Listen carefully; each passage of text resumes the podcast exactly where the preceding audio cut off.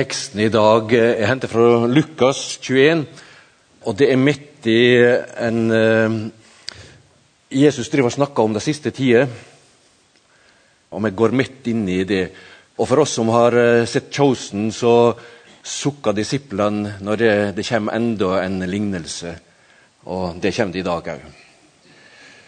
Da skal de se menneskesonen komme i skya med stor makt og herregdom.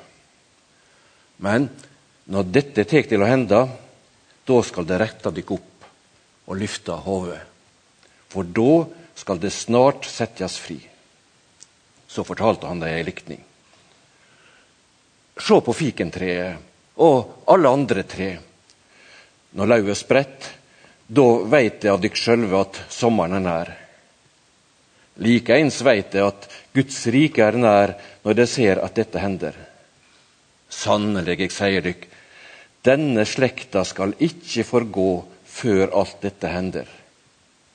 Himmel og jord skal forgå, men mine ord skal aldri forgå. Ta dykk i vare, og lat ikke hjarta dykkar bli sløva av rangel og drikk og sorgen i dagliglivet, så den dagen kjem like uventa på dykk som ei snare.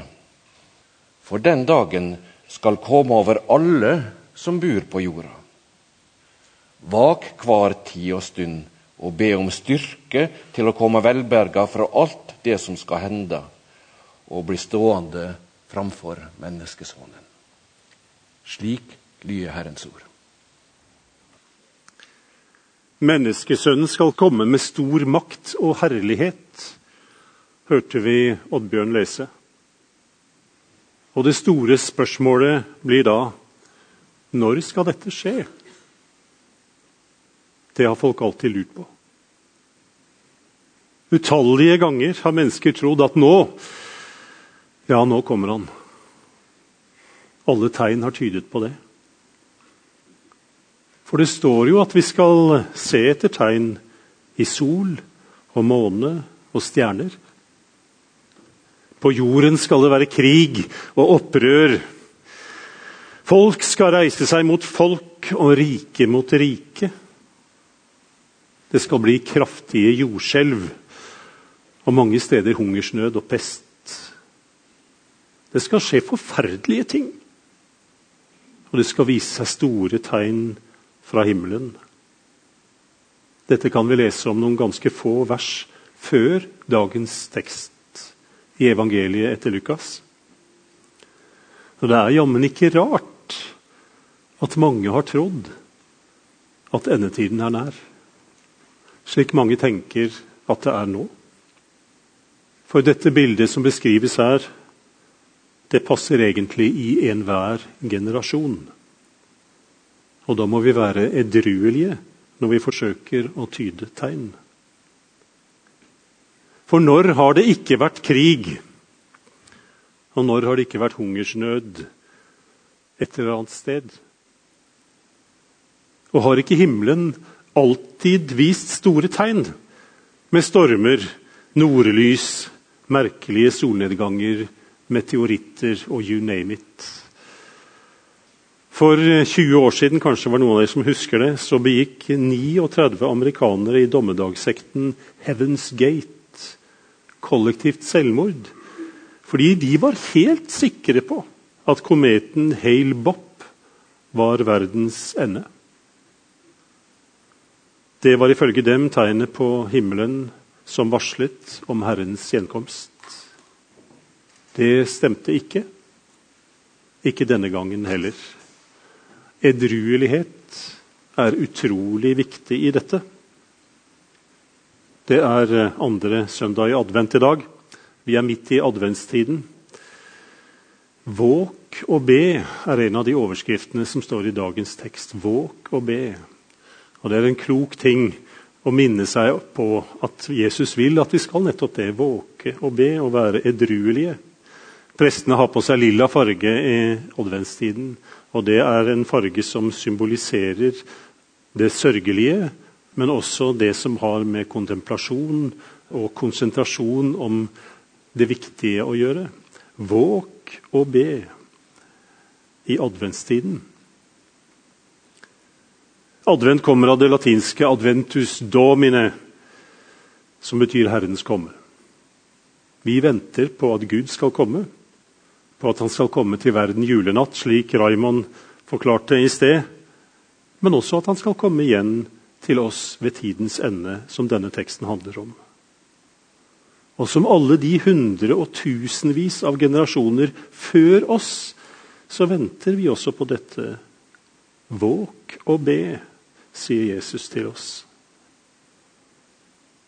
De kvinner og menn som gikk sammen med Jesus i Galilea og Judea, og som lærte bønnen direkte av ham, på samme måte som de, så ber vi også vårt Fader vår, komme ditt rike, ber vi. Advente Domine, kom Herre Jesus. Nå er det en tid som fokuserer spesielt på det. Våk og be. De første kristne de var overbevist om at Jesus kom tilbake i deres levetid. Vi må faktisk et godt stykke ut i tiårene etter korsfestelsen før noen begynte å tenke at det kanskje ikke var slik likevel. De første troende var døde uten at Jesus var kommet igjen. Og hva så? Eller hva nå? Kan vi egentlig tro på det Jesus sier? Han har sagt at han skal komme, men nå har det gått 2000 år, og han har ennå ikke gjort det. Er det kanskje på tide å slutte å tro på endetiden, kan man spørre seg. Eller kanskje han har kommet tilbake uten at vi ser det? Det har folk lurt på. Slik innstiftelsesordene lød når vi hadde nattvær i sted. Vår Herre Jesus Kristus, i den natta han ble forrådt, tok han et brød, osv. Der sier disse ordene at Jesus Kristus er konkret til stede med sitt legeme og blod i brødet og vinen. Og vi tror at Jesus kommer fysisk til oss når vi feirer nattvær. At det faktisk er hans kropp og blod vi svelger ned. At Jesus er midt iblant oss her i bymenigheten i Sandnes en småkald desemberdag i 2023. Når små spedbarn får vann over hodet i den treenige Guds navn her i denne forsamlingen, er det Jesus selv som gjør det. Selv om det skjer via hendene til Vidar. Presten er bare et redskap som Jesus bruker. Han er til stede og gjør de små til sine. Jesus gir dem troen som en gave før de selv kan forstå eller ville. Jesus er til stede. Når vi med våre handlinger reiser opp en som ligger nede, når kjærlighetens og godhetens seirer en stakket stund med våre handlinger, da er det Jesus som handler gjennom oss. Hvis vi klarer å formidle budskapet om Han på en slik måte at folk kommer til tro, da er det Jesus selv som gjør det. Jesus har aldri forlatt oss, men han er likevel ikke kommet tilbake. Det er et mysterium som vi ikke kommer unna. Og det er et mysterium som vi deler med de som gikk sammen med Jesus da han gikk rundt på jorden for lenge siden. Jesus er allerede her, og likevel enda ikke. I Den kristne kirke tror vi at Jesus skal komme tilbake igjen, og at tiden en gang skal ta slutt. Og Vi bekjenner det i kirkene våre hver eneste søndag. Jeg tror på Jesus Kristus, Guds enbårne sønn, vår Herre, som sitter ved Guds, den allmektige Faders høyre hånd. Derfra skal komme igjen for å dømme levende og døde. Hver gang små barn blir døpt til tro, bekjenner vi dette på vegne av de små.